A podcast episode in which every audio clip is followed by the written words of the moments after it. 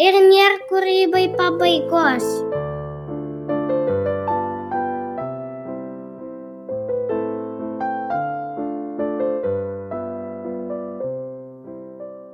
Sveiki, su jumis Rasa Sagė ir tinklalaidė kūrybiškiams žmonėms. Tai šeštasis tinklalaidės epizodas, kuriame lankomės Klaipėdoje svečiuose pas rašytoją, vertėją, lietuvių kalbos mokytoją Nijolę Kliukaitę Kepenienę. Tai yra unikali moteris, kurieja, kuri parašė ir išleido net 35 knygas. Tačiau rašo ji ne nuo pat kūdikystės, kaip pati sako. Taip pat jau užaugino tris dukras ir nesenai prieš metus tapo Lietuvos rašytojų sąjungos Klaipėdos skyriaus pirmininkė. Kaip jai tai pavyksta, kaip įmanoma suderinti produktyvę kūrybą, darbą ir šeimą. Visą tai netrukus išgirsite iš pačios Nijolės, o tinklalaidės galite klausyti reguliariai kas antrą pirmadienį visose podcastų klausymosi programėlėse, YouTube ir mano tinklaraštyje apie santykius.lt. Labai dėkoju, kad klausote, dėkoju Patreonams už paramą ir kągi, keliamės Klaipėdą.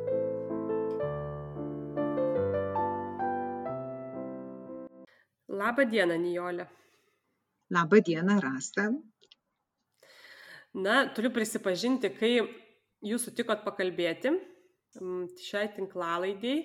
Aš šiek tiek jaudinausi ir galvojau, ko čia man jūsų paklausti, arba tiksliau, kaip užduoti teisingus klausimus žmogui, kuris parašė begalę knygų, kuris gavo įvairiausių apdovanojimų už savo knygas, kuris visą gyvenimą rašo, kuria ir iš tikrųjų yra labai, kaip pasakyti, nusipelnęs bet paskui pradėjau ieškoti apie jūs informacijos, e, skaityti jūsų interviu, jų radau tikrai nemažai. Ir supratau, kad nėra ko man jaudintis, nes... E, Aišku, kad nėra. Mm. Jo, nes aš iš tiesų supratau, kad jūs esate paprastas žmogus, kaip ir mes visi, tik tai žinot, kaip būna, jeigu žmogus kažką gyvenime yra pasiekęs daugiau negu kiti, tai kitiem atrodo, jis yra kažkoks Dievo pateptasis, ypatingas ir tarsi prie jo net negalima prieiti. Tai aišku, labai dėkoju, kad sutikot pasikalbėti. Na ir toks pirmas klausimas būtų, kaip jums tai pavyksta, būnant moterim, užauginius tris dukras, ar ne, parašyti tiek daug knygų. Aš suskaičiavau 35 knygas. Ar teisingai suskaičiavau? turbūt panašiai ir bus nes e, kada čia skaičiavo tai buvo trisdešimt trys tai turbūt dabar dar dvi atsirado bet nežinau iš tikrųjų taigi jau senokai rašau nors nerašau nuo pat vaikystės nuo kūdikystės ir iš pradžių pradėjau rašyti tai irgi aš kai jūs paklausė na kai sužinojau kad mes kalbėsimės būtent apie kūrybą tai pradėjau galvoti ką aš čia tokio protingo galėčiau pasakyti ir supratau kad nieko labai protingo nes iš tikrųjų manau kad na vat pati čia pristatėt mane kaip kažkokią ten labai daug pasiekusią, bet man taip tikrai netrodo. Ir aš tai pradėjau galvoti, kuo iš tikrųjų galėčiau iš savo tų rašinių džiaugtis ir didžiuotis. Tai supratau, kad iš tikrųjų tai yra vienintelė knyga, kurią tikrai labai labai myliu. Tai mano džiovintas debesėlis. Ir jinai pasirodė vos ne pirmoji. Ir tai buvo būtent knyga, kurią rašiau vaikams.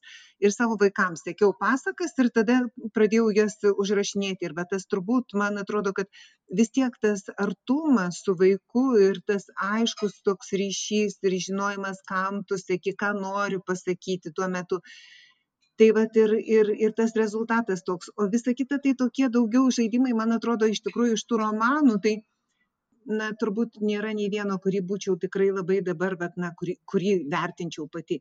Man atrodo vieną aš dabar rašau ir baigiau jau rašyti bet kažkaip tai nelabai galbūt dar leidyklos jį vertina ir jisai dar guli leidykloj tai dar mes pasižiūrėsim. Bet galbūt tas mano vertinimas ir yra dar kol kas tiktai na toks kai žinote paskutinis kūrinys ir atrodo kad nu va dabar jau čia padariau bet paskaitai po kelerių metų ir atrodo kad nieko čia gero tu ir nepadarei tai va taip o kaip aš suspėju tai na visą laiką kai sakau pradėjau kad pavyzdžiui rašyti tiem vaikam iš pradžių pradėjome mes kartu aš sekiau pasakas sekdavau prieš miegą po to galvodavau o šitie visai tokie visai nieko galima būtų ir užrašyti ir pasižiūrėti kas čia gal dar kas norės jas paskaityti. Tai taip užsižaidžiau kad po to pradėjau pavyzdžiui dukrai išvažiavus į angliją tai aš labai labai liūdėjau ir tada jau pradėjau sau pasakas rašyti. Tai pavyzdžiui tokios kaip verpėjėlė tenai arba baltų ženklai tai yra tokios liūdnos ilgos ir čia jau jos grynai man tokios jos tiesiog mane gydė. O rašymas jau tapo tokia būtinybė tiesiog na nežinau gal čia kaip meditacija kokia gal kažkoks kaip na būdas išreikšti save. Dabar pavyzdžiui tikrai esu labai užsiėmus dabar ir mokykla ir tie pirmininkės tos pareigos ir ir visokių tų reikalų tikrai labai daug visokių tų rašymas visokių popierių dalykų ir taip toliau ir visokie renginiai. Tai ir ne nelabai galiu prisėsti prie to na tiesiog pati su savim pamąstyti ir parašyti kažkokį eilėraštį. Tiesiog labai dabar to ilgiuosi ir laukiu tiesiog to laiko kada tai galės atsitikti ir taip vat rašai po truputį ir žiūrėk kažkas susidėlioja Iš tiesų, tai man labai įdomi ta vieta, kad jūs nepradėjote rašyti nuo, kaip jūs sakėt, nuo kūdikystės, nes iš tikrųjų tai mhm. e, kažkaip atrodo, kad jeigu žmogus jau yra gimęs būti rašytojui, tarsi jį traukia raš, rašymas, tai jisai jau nuo pat jau kažkaip mažų dienų tas raidelės dėlioja ir tos žodžius klyjuoja. Ir kaip, vat, kaip jūs jautėtės, ar jūs visada jautėte trauką žodžiui, ar jums tiesiog vaikai, kaip e, sako, liaudiškai pramušė, pradėjote kūrybinį procesą, nes, pavyzdžiui, man tai buvo toks variantas iš tikrųjų, kad aš kai pagimdžiau, tada aš pradėjau kurti, anksčiau aš kažkaip ne man tai aš dabar kai galvoju taip sakau kad jau rašyti tai pavyzdžiui rašyti taip raštu tai aš pradėjau tikrai jau tiktai su vaikais. Po to kai atsirado vat antroji dukrytė nes ji labai įdomiai būdavo sakydavo ten na ir tas pasakas aš juk sekdavau tas pasakas iš pradžių skaitydavau savo vaikam tiesiog pasakas bet pradėjo taip na sakė tu ir šitą jau skaitei ten alisą pūkuotuką viską mes jau čia girdėjom tai dabar prašau sugalvok man pasaką apie užuolaidą. Bet aš pagalvojau dar tai kad pavyzdžiui na vėliau kai prisimenu pavyzdžiui savo tą vaikystę būdavo taip kad aš turbūt sekdavau sau kažkokius tai atsimenu kad einu į muzikos mokyklą sau ten yra maždaug pusvalandžio kelias ir aš einu sau ir kuriu visokius ten e, eilėraščius pasakas tipo sau kažkokias na kažkas ten su kažkuo kalbasi. Ir atsimenu dar irgi kad mama mane palikdavo kadangi dirbo ten redakcijoj tokioj valstiečių laikraštis tai jinai mane palikdavo prie vilnelės nes nebuvo kur dėti aš darželio nelankiau ir ir tiesiog ten būdavo moterėlės kažkaip tai kurios ten degindavosi ir aš ten žaisdavau su pienėm sau pas kažką paskaitinėdavau ir aš vis kurdavau kažkokias istorijas. Tos pienės ten buvo princesės. Na tai vat jeigu tai žiūrėti kaip į kažkokį tai kūrybą tokį vat na tą vidinį. Ir man tikrai nebūdavo visiškai nuobodu. Aš prasi prasėdėdavau ten prie tos vilnelės visą mamos darbo laiką labai ramiai ir kažkaip tai turėdavau visokių užsiėmimų. Tai gal tas nežinau ir yra jau galbūt pradžia pati tokia kūrybinė. O paskui aš tiesa bandžiau rašyti dienoraštį kaip visi ten na visos gal mergaitės pradeda kažkada rašyti. Bet paskui kai mama vieną kartą man pacitavo iš to dienoraščio tai, tai tiesiog prie pietų stalo tai aš supratau kad aš gal geriau to nedarysiu. Ir nustojau tai va o paskui jau tos pasakos atsirado. Ir dabar pavyzdžiui man na negėda dalintis su kažkuo nes tai nėra nebūtinai tai turi būti kažkas tobulai išgryninta bet aš manau kad dalintis reikia savo mintimis ir tai ką tu iš tikrųjų na išgyveni ką tu galvoji ir šiuo metu ir ir gali tai tai ir duoti. Nebūtinai tai turi būt kažkoks absoliučiai tobulas variantas nes vargu bau ar tokie iš viso būna. Šiaip labai įdomu dėl to, kad e, tai tarsi toksai yra net nuomonė ir galbūt toks jausmas, kad kūryba yra dalis kančios, nes tu tarsi, nu daug kas taip sako iš tikrųjų, kad tai yra e, kūryba, tai per kūrybą tu išreiški savo kančią ir dėl to tai nėra lengva. Pavyzdžiui, man asmeniškai irgi nėra lengva, nes aš atiduodu rašydama, aš tiesiog atiduodu savo energiją, o paskui turiu gulėti ant sofos, pailsėti.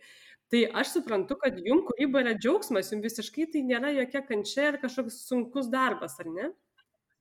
Na kaip čia pasakius jeigu pavyzdžiui na iš tikrųjų man tai yra man yra smagu kurti labai labai man to reikia bet jeigu pavyzdžiui aš rašau kokias tris valandas iš eilės tai man čia jau viskas maksimumas visiškas ir tikrai jau po to tu nu tikrai toks truputį nuplaukęs pasidarai.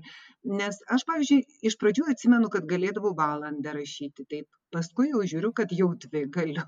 Dabar jau galėčiau ko gero tas ir tris galėčiau bet jau taip kažkaip nu vat jau tada jautiesi paskui vis tiek tu kažkaip išsisemi tu jeigu vieną kažką tokio taip darai labai tikrai intensyviai mąstai ir ieškai ten tų na ieškai ką tu nori iš iš savęs iš na iš išrasti ten surasti.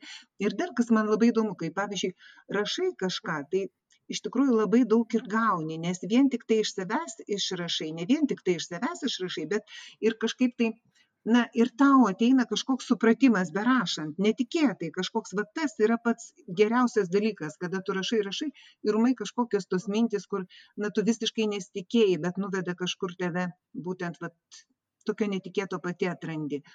O dėl to dabar vat to išrašymo savo irgi dabar čia neseniai mes turėjome susitikimą su Mindaugu Jonu Urbonu, gal jūs žinote, dabar toks jaunas mūsų klaipėdos rašytojas ir jisai pristatinėjo savo paskutinę knygą Dzeuso žudimas. Ir po to, kaip aš supratau, ten, na, vat jam turbūt ir tas pats susitikimas, kažkaip jisai taip, na, gal nepajuto artimos sielos ir po to tokie išsisakymai, kad, nu, va, tu čia dirbi, dirbi, dirbi ir po to kažkaip tai, na, na, vat, na ir ir atrodo ir ta mokykla ir viskas ir vardan ko visa tai galbūt va tas pervargimas toks.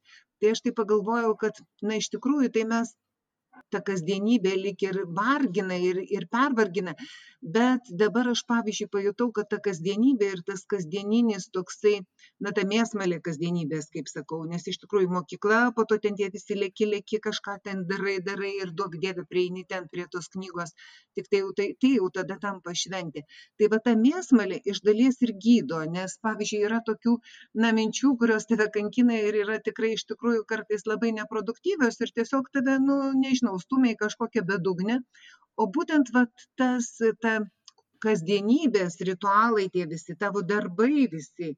Ir jeigu pagaliau tu prieini prie tos kūrybos, dar tai tai yra grinas, na tiesiog, na, na gydimas pagalvojau tą egzistencializmo, na kaip, kaip sako egzistencialistai, kad, na tu gali tai, tu turi tai ištverti, tu gali tai ištverti, bet kai tu pajunti tai, kad tu gali tai ištverti, atsiranda kažkoks tarsi antras kvepavimas, tarsi tau kažkokia duotybė, kad, na, kažkoks džiaugsmas ir toks tvirtumas, kad, na, tu iš tikrųjų gali tai tu jeigu gali tai tai gal tu gali ir dar daugiau vat tas va yra man dabar dabar tai dabartinis mano atradimas tai iš tikrųjų aš labai dabar tuo džiaugiuosi Nuostabu. O jūs turite kažkokį savo jau susikloščiusi režimą dienos, kada jūs rašote, ar jūs rašote visada? Nes aš skaičiu vienam interviu, kad jūs rašėte stovėdama eiliai ten prie kažko nusipirkti. tai toks yra susikūręs jau tarsi visą laiką tas kūryba vyksta, ar jūs jau turit konkrečią darbo dienos valandą, kur yra šventa ir, ir niekas jas negali paliesti? Ne, tokios valandos niekada neturėjau, nes iš tikrųjų, kai yra, kai, na, trys dukrytės, dabar jau jos užaugusios, bet tai dabar yra ir anūkai, kuriem irgi yra skiriama laiko ir, ir taip, bet tai, na, kažkaip tai niekada neturėjau tokios prabangos, kad vien savo rašyti, vien tik tai va taip sėdėčiau jau, na, turiu kartais aišku mes visi kartais turime to laiko pavyzdžiui vasarą ten kur nors prie jūros ant smėlio ten drybsai sau ir ir tada jau gerovė tai paskaitai tai parašai tai nusimaudai tai vėl toks visiškas nebuvim nežinau ar ar esi čia ar kažkur ne visai prie jūros ar kaži kur tada toks visiškas jau tikrai atsipalaidavimas.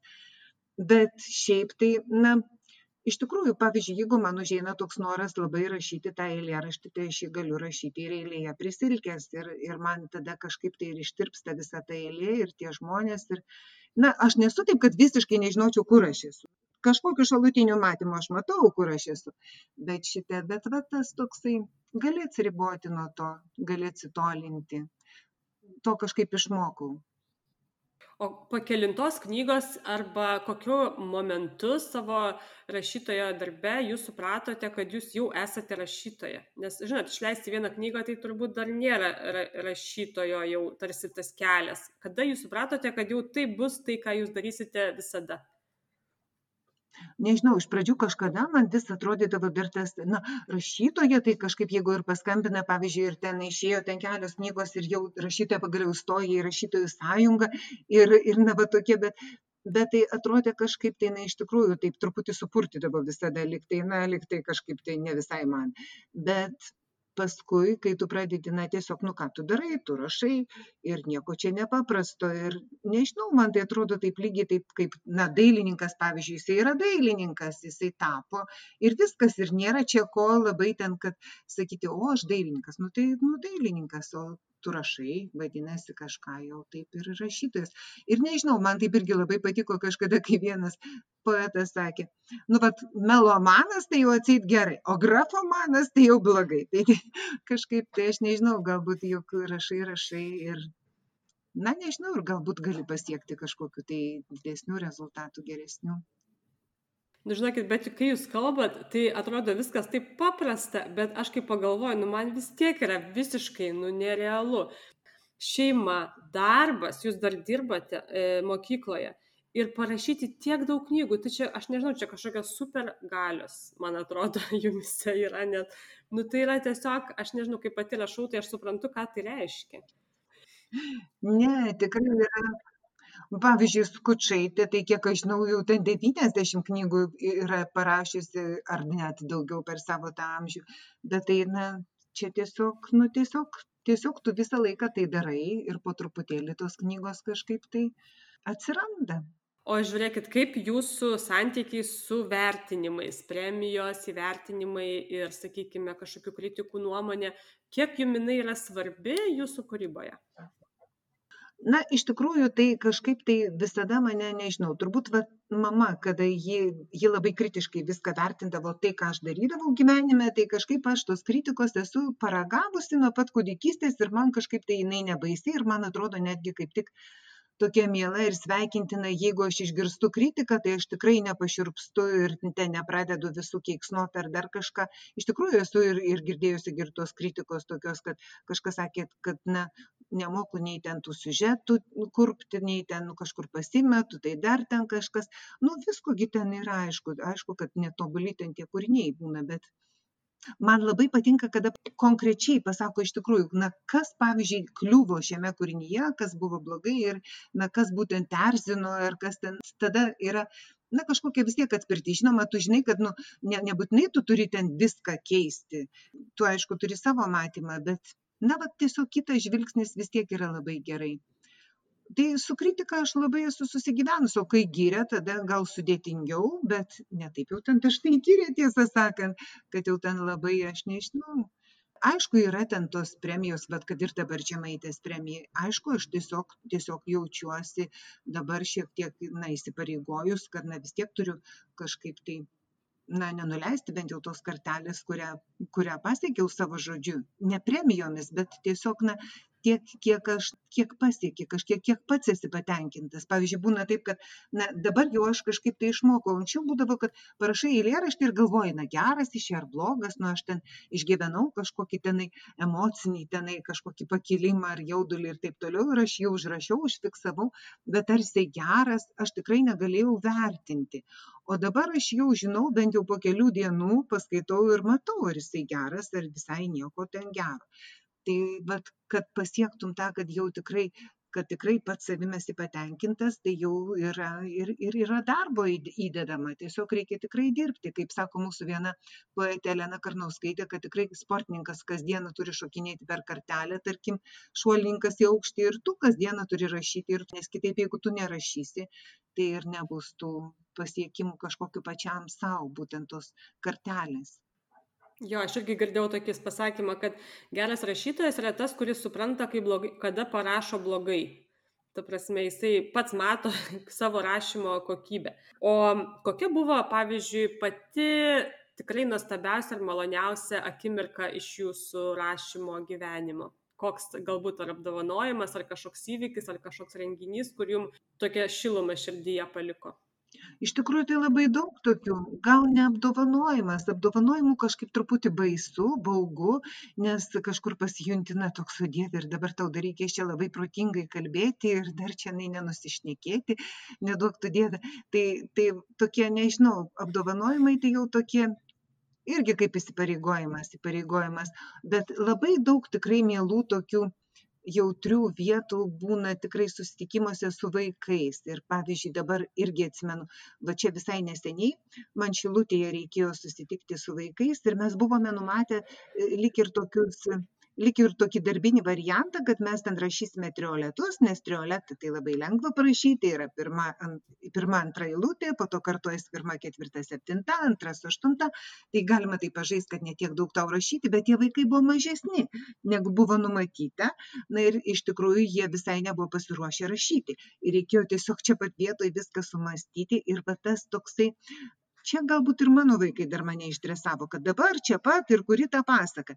Ir tiesiog ir tu pradedi galvoti ir tada tave gal kažkur truputį nuneša. Ir irgi aš jam paskaičiau pirmą eilėraštį, atsimenu iš to savo tokio naujo eilėraščių rinkinuko. Ir ten buvo ta plunksna, kuri nukrenta ant pagalbės. Ir pradėjome kurti, kaip dabar ta plunksna, kieno ta plunksna, koks čia tas paukštis, kiekvienas jį matė kitaip. Tai va, ką vaikai tie įsivaizdavo, jie taip, jie taip tikrai įsijungė į tą žaidimą ir taip įdomiai ten pasakojo, po to aš jau irgi užsimerkus, sakau, dabar mes ten jau kitą, kai mes jau nunešė tas paukštis į kažkokią pievą, nes kitas eilėraštis buvo apie pievą ir ko, ką mes ten matome ir jie irgi užsimerkė ir po to tiek pripasakojo. Tai, tai va tokių gražių momentų yra tiesiog pačiuose susitikimuose, per susitikimus tuos būna tokių labai smagių. Arba ir su, kai būtent, kai būtent tu sulauki to atsakomojo ryšio, kada būna, būna kažkokie, na, būtent tokie edukaciniai galbūt susitikimai, tai kai, pavyzdžiui, irgi su suaugusiais čia rašėme eilėraščius ir jie taip, taip nedrasiai iš pradžių, bet po to atrandi, nu, ir patys atranda savyje kažkokių tai tokių galių, tai yra tikrai labai smagu tada. O kiek prie jūsų kūrybos prisideda miestas, kuriame jūs gyvenate, ar ne, Klaipėda? E, ką, ką jums duoda gyvenimas Klaipėdoje prie jūros? Na, gyvenimas prie tos jūros, na, aš nesu ta jūrinė, kuri iš tikrųjų aš taip supratau, kad aš tikrai negalėčiau rašyti marinistinę kažkokią tai ten literatūrą, nes esu pakrantės gyventojas ir šiaip jau, bet pavyzdžiui, pats šitas kraštas va dabar tas romanas ropaus malimo tai ir buvo tai iš tikrųjų man šito krašto žmonės jie tokie na jie tikrai kitokie. Dabar aš jau tą kitoniškumą jau turbūt įsigyvenau į jį ir įsijaučiau ir ta žemaitija čia taip viskas arti irgi tokia na artėja vat taip bet bet iš pradžių man atrodė jie tikrai na visai kitokie ne tokie kokie mano mieste. Nes vilniuje kažkaip yra ir galbūt daugiau ir tų lenkų ir rusakalbių ir na ir šiaip ir kita kita ten atmosfera kitaip ten viskas yra. Tiesiog vat atrodo ta lietuva tokia nedidelė o pats miestas yra kitoks. Tai man šitas kraštas dabar ir tie prūsai ir ir visas tas jų išnykimas tai man nu labai tikrai buvau panirusi irgi ir į tą visą mitologinius tuos dalykus ir į tą senovę. Dabar truputį iš to neriu jau vat bet irgi nuo to krašto tai tikrai tikrai dar juo labai labai labai domiuosi ir dabar irgi rašau tokį romaną, kur noriu irgi daug žemaitijos, tiesiog ją pačią išsinagrinėti pati savo. Bet jūs jaučiatės, e, jūsų gimtinė yra, ta prasme, gimtasis miestas yra Vilnius ar Klaipėda, kaip dabar yra? Ne, mano gimtasis miestas yra Vilnius ir aš čia būtent jau po atvažiavau tik tai 25 metų į Klaipėdą.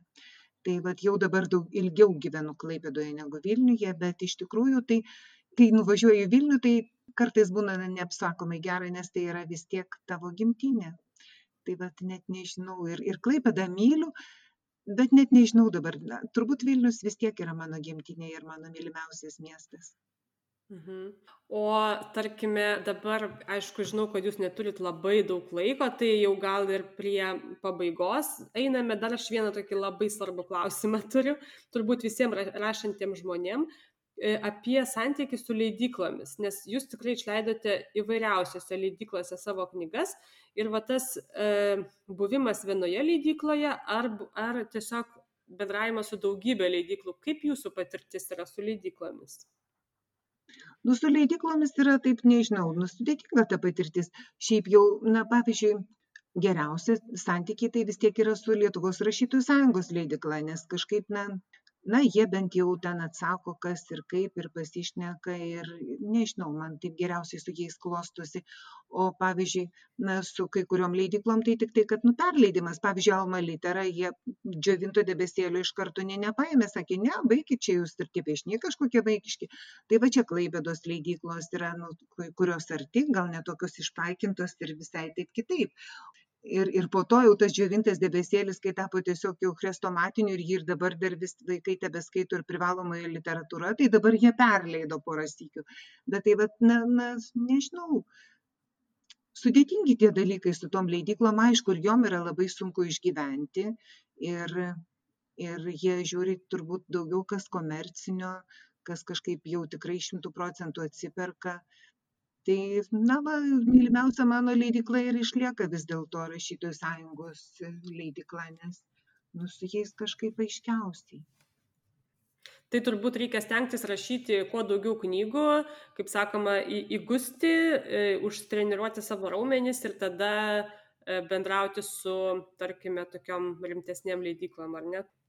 Aš tai pagalvojau dabar dėl to, na, bet kai dėl to daugiau knygų, tai galvojau galbūt kai kurių knygų galėjo ir nebūti ir galėjo jos neišeiti bet antra vertus vis tiek tu gauni tą atsakomąjį ryšį ir vien rašyti ten į stalčių tai kažkaip tai pagalvojau kad vis dėlto aš teisingai dariau kad na ir kad ir išėjo ir tos knygos. Pavyzdžiui dėl vienos ten tai man tikrai sakė galėjo šitos knygos ir nebūti tokia redaktorė bet nu nu tikrai gal galėjo ir nebūti bet tai yra sakau kad tai galbūt nėra tiesiog sakau tobuli aš dar vis tikiuosi parašyti kažką tikrai labai gero. Vis tiek tas įdirbis jau tų knygų jau tu dabar bent jau žinai kažkaip tai neplaukioji jau taip visai jau kažkaip tai žinai bent jau kaip tu organizuoji jeigu kažką blogai organizuoji tai žinai kad reikia keisti. Tai labai ačiū Nijolė už pokalbį ir labai ačiū už įkvėpimą, nes tikrai jūsų pavyzdys įkvėpė turbūt kiekvieną kurėją, kad tikrai yra įmanoma uh, būti produktyviu, gyventi įvairų ir pilną, pilnavertišką gyvenimą ir tikrai nereikia aukoti nei šeimos, nei, nei, nei darbo dėl kūrybos, nes viskas yra įmanoma suderinama. Tai labai jūs sveikinu su tuo ir gal kažkokį paskutinį žodį palinkėjimą mūsų klausytojams galite pasakyti gerai bet tas dabar kaip irgi pasakėt kad šitą na kad nereikia aukoti šeimos ar ką tai aš kaip tik pagalvojau kad gi ir šeima ir maitina. Jeigu ne šeima tai vargu bau ar aš iš viso būčiau taip ir pradėjus jau ten labai rašyti. Tai juk bet sakau ir tos mano dukrytės ir be to tas gyvenimas visas kuris verda aplink tave jis ir ir kūrybą maitina. Kiek tu gali rašyti vien iš savęs kažkokius ten tuos išgyvenimus lyrinius jeigu tu nieko daugiau nedirbsi ir nesidomėsi. Tiesiog man atrodo vis tiek darbas irgi ir ta aplinka yra labai svarbu ir ji maitina ir tave, ir kūrybą tiesiog. Tai labai ačiū ir jums už pokalbį, buvo labai smagu ir, ir pačiai prisiminti, kas ir kaip. Ir, ir linkiu visiems irgi, na, žinoti, kad vis dėlto ieškoti to savojo žodžio. Ir nes tai yra iš tikrųjų labai, na, didelė dovana pačiam savo, nes tas žodis kartais atveria irgi tokias begalinės erdves. Tai tegul ir atveria kiekvienam savo erdvę.